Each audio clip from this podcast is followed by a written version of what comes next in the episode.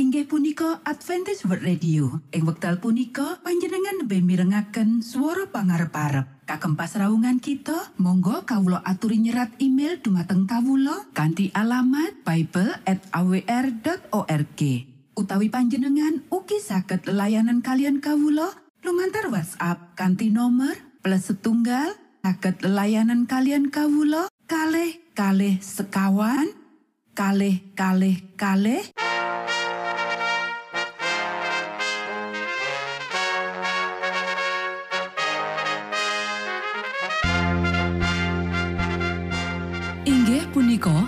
Adventist World Radio ingkang giaran kanti basa Jawi.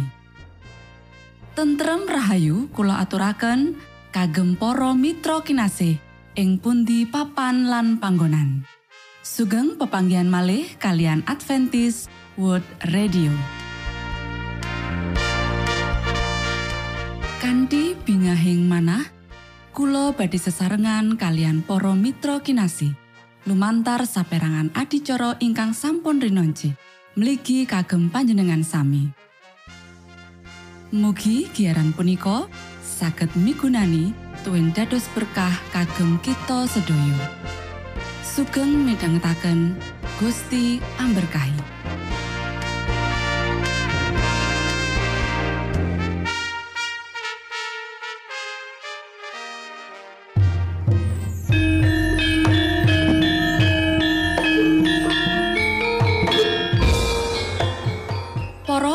Pamirsa kinasih ing Gusti Yesus Kristus. Ing wekdal punika, kita badhe sesarengan ing adicara ruang kesehatan. Ingkang saestu migunani kagem panjenengan saha kita sami. Tips utawi pitedah ingkang dipun aturaken ing program punika tetales dawuhipun Gusti ingkang dipunnyatakaken ing kitab suci. Semanten ugi sakehing seratan ingkang dipun wangsitaken dening Gusti Allah. Nanging saderengipun, monggo kita sami midhangetaken kidung pujian.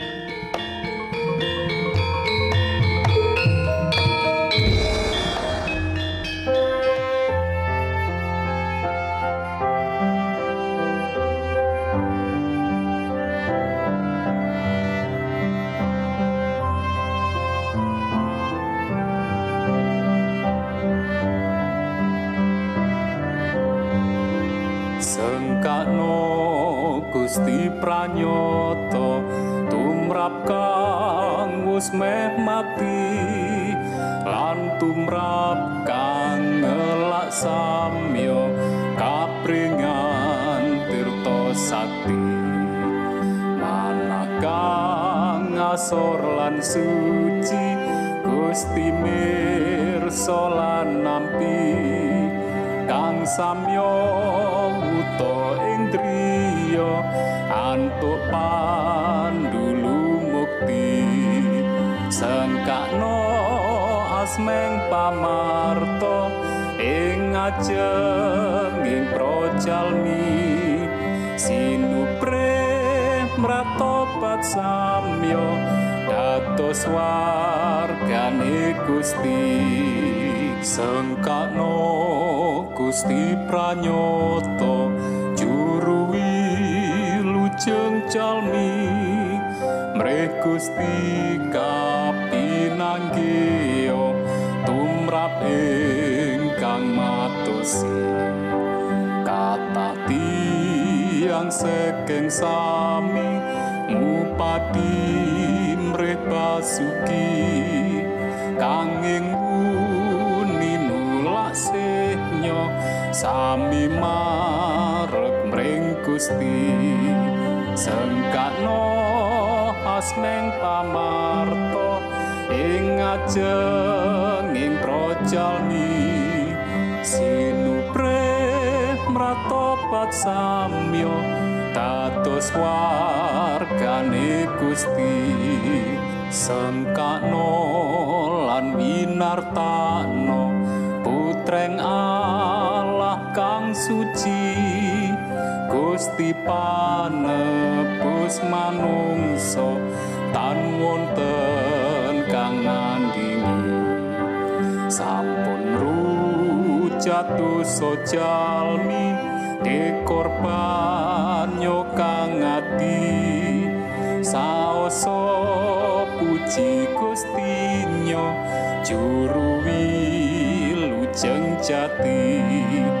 Sengkak asmeng pamarto ing ajenging projalmi sinupre mratobat samyo dados wargane Gusti. Sengkakno lan winartano putreng Allah kang suci Gusti panebus manungso tan wonten kang ngandini sampun rujatuh sojalmi dikurban nyokang ati. Saoso puji gustinyo juru wilujeng jati. Sengkakno asmeng pamarto ing ajenging projalmi sinupre mratobat samyo dados wargane Gusti.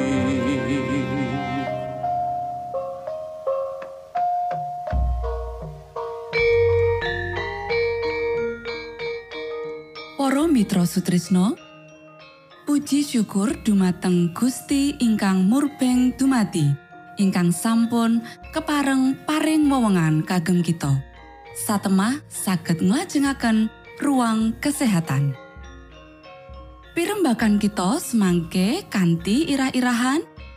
Pengaruh panganan prasojo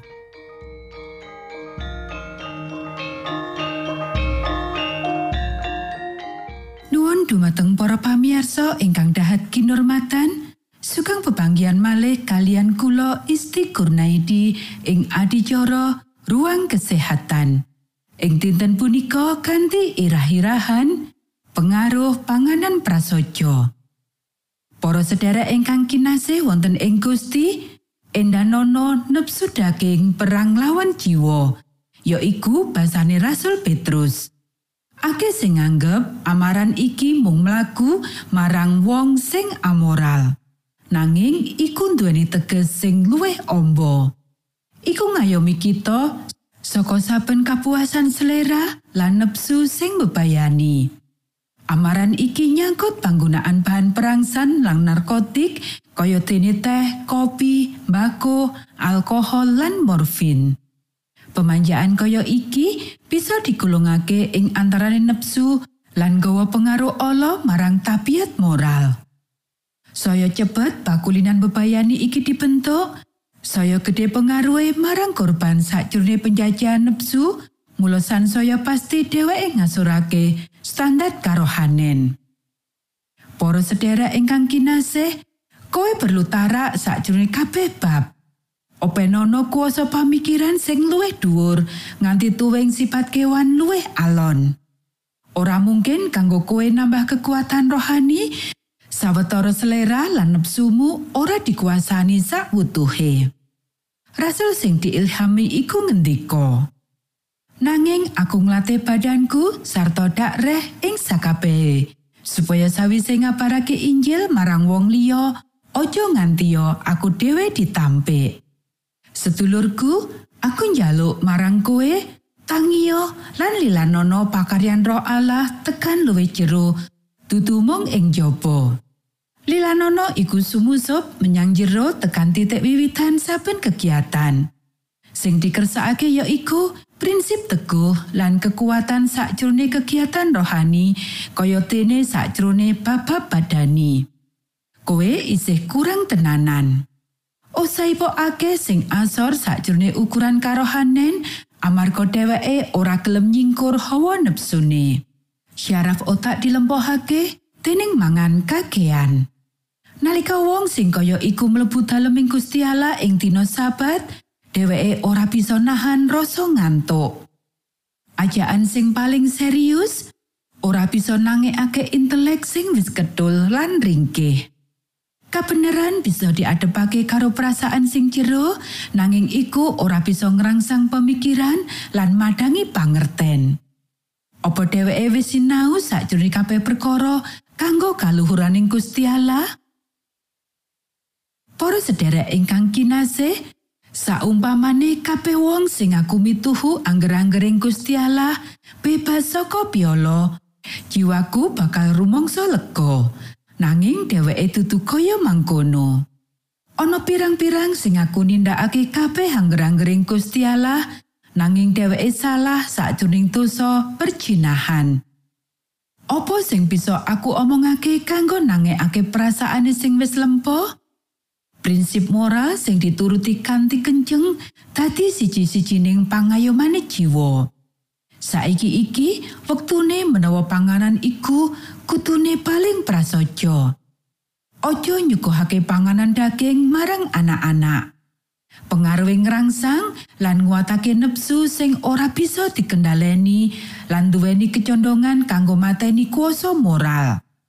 Wiji-wijian lan wowoan disediakake tanpa gaji, sak bisa-bisane disediakake kanthi cara alami yaiku panganan ing dhuwur meja nedane wong-wong sing aku nyawesake diri kanggo diowahake lan digawa menyang swarga.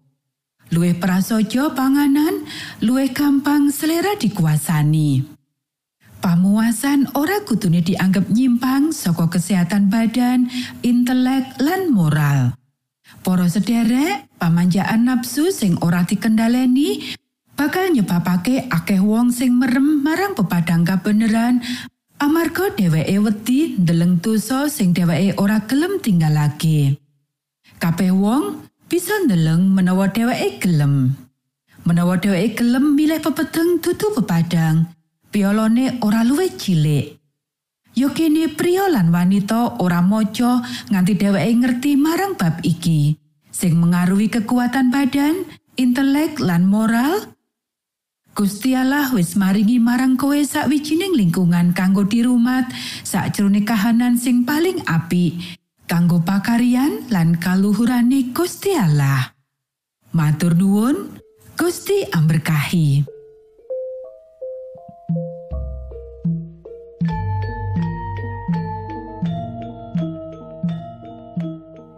Cekap semanten pimbakan ruang kesehatan ing episode dinten punika. Ugi sampun kuatos jalaran kita badhe pinanggih malih ing episode sak lajengipun.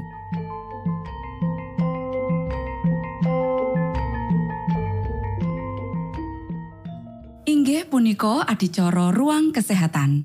Menawi panjenengan gadah pitakenan utawi ngersakaken katrangan ingkang langkung, monggo kulo aturi.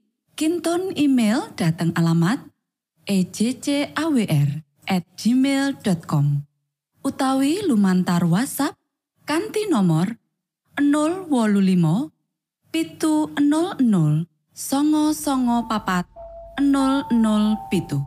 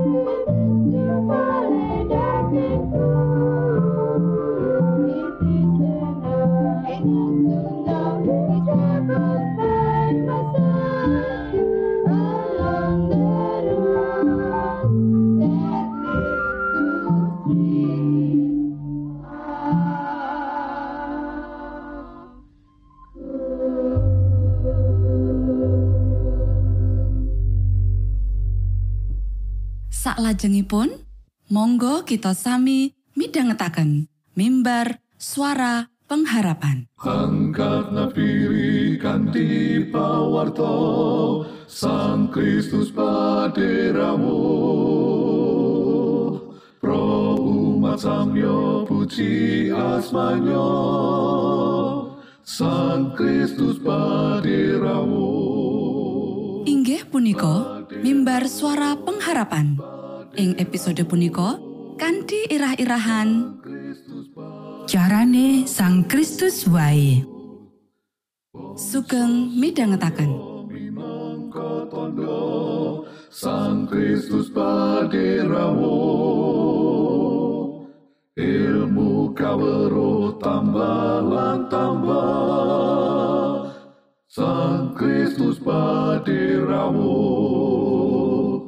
paderamu paderamu Sang Kristus paderamu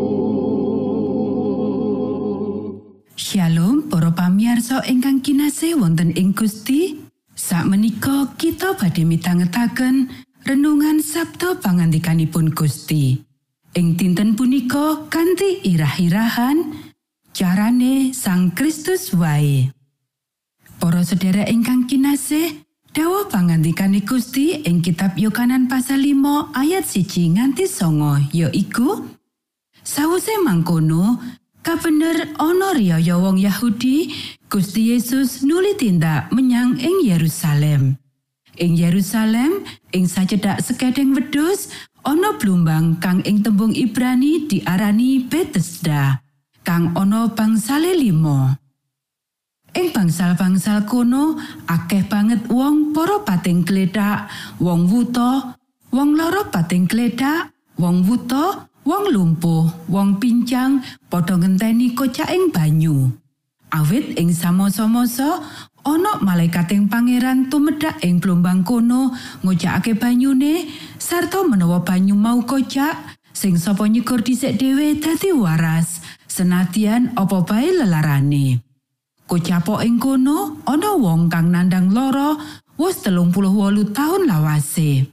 Bareng Gusti Yesus mirsa wong mau ngledak ana ing kono sarta ngudaneni menawa wis lawas anggone mangkono mau, wong mau tumuli dipangandikani. Koe apa kepengin waras? Atur wangsulane sing loro. Duh Gusti, boten wonten tiang ingkang nyemplungaken kawula dhateng ing blumbang samosa toyanipun wiwit kocak. Dene menawi kula saweg murugi, lajeng wonten tiang sanes ingkang ambyur ngrumiyini kawula. Pangandikane Gusti Yesus, "Tangio, paturunmu angkaten lan lumakuwa." Sanalika wong mau dadi waras, nuli ngangkat paturone lan banjur mlaku. Nanging nalika iku pinuju dina sabat. Para sedherek ingkang kinasih, apa kang diwulangake ing crita iki babagan ngladeni kanggo wong kang butuhake? Nyonya Ellen G. White nyawisi limang langkah saka carane Gusti Yesus jroning bab kepiye ngladeni mligine kanggo wong kang butuhake. Cara carane Sang Kristus wae sing bisa nuwuhake kaberhasilan kang sejati sakjroning gayuh manungsa. Sang juru wilujeng sesrawungan karo manungsa minangka pawongan kang ngersakake kapiciane manungsa. Panjenengane nedahake rasa peduli marang manungsa, ngladeni kabutuhane lan nuwuhake rasa pengandele. Banjur ngendika, "Melu aku." Langkah kapisan yaiku kita kudune sesrawungan kanthi rumaket marang wong-wong kang sekeng. Jupuk wektu kanggo tetepungen karo wong iku lan mangerteni kabutuhane murih bisa nglakoni kapecikan kanggo wong-wong iku. Katekake apa kang Gusti Yesus tindakake marang wong kang lumpuh ing sapinggiring kolam. Gusti Yesus ana ing kono ing antarane wong kang sekabehe nandang loro. Wong wuta, wong lumpuh lan wong pincang. Kita bisa maca ing kitab Yohanan pasal 5 ayat telu. Langkah kang kapindho yaiku kita kudu nuduhake rasa simpati. Bab iki bisa uga ngemu tantangan jroning sawetara kasus amarga masalah ora percaya lan amarga kadangkala wong nggunakake kapecikan minangka sarana kanggo entuk kapercayan saka wong sing banjur disalahake. Nanging Gusti Allah nimbali kita kanggo nuduhake rasa simpati tanpa ngarep-arep balesan. Langkah katelu yaiku ngladeni kabutuhane. Iki kalebu sangu barang kang luwih katimbang saka mung tetembungan. Perlu tumindak kanggo ngladeni kabutuhan konco utawa wong monco. Gusti Yesus ngendikan karo wong lumpuh mau, takon apa sing dikarepake lan banjur nindakake mujizat kanggo dheweke. Ing cerita bab wong sing kesurupan demit, Gusti Yesus ngendhalekake kahanan iku. nindakake marang wong kang ora nduweni daya iki apa sing ora bisa ditindakake dening wong iku kanggo dheweke. Langkah kaping papat yaiku menangake kapercayane.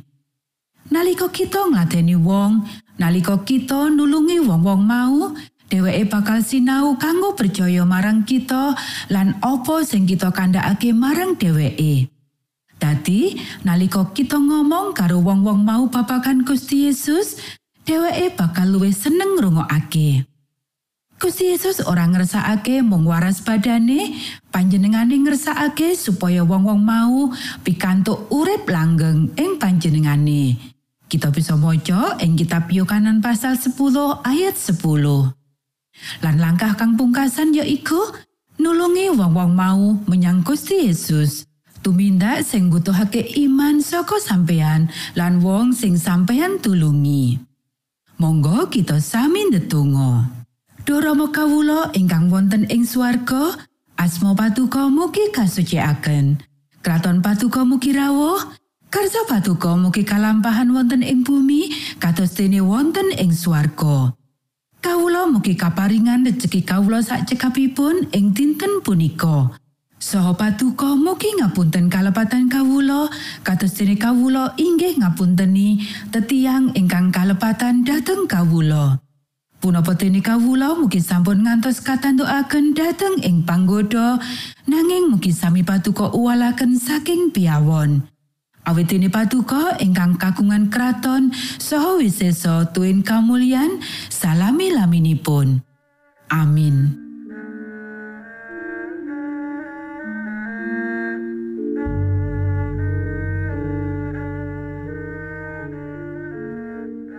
Para Mitra Sutrisno pamiarsa kinasih ing Gusti Yesus Kristus sampun paripurno pasamuan kita ing dinten punika. Menawi panjenengan gadah pitakenan utawi ngersakaken seri pelajaran Alkitab suara nubuatan, monggo Kulo aturi kinton email dateng alamat ejcawr gmail.com utawi lumantar WhatsApp kanti nomor 025 pitu 00 songo songo papat 007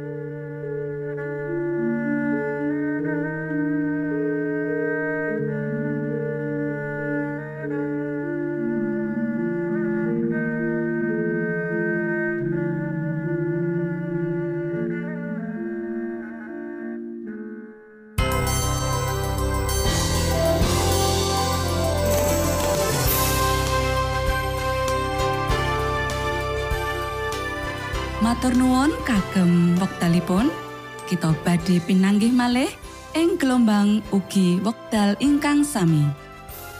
Saking studio kula ngaturaken tentrem rahayu. Gusti amberkahi kita sedaya. Maranata.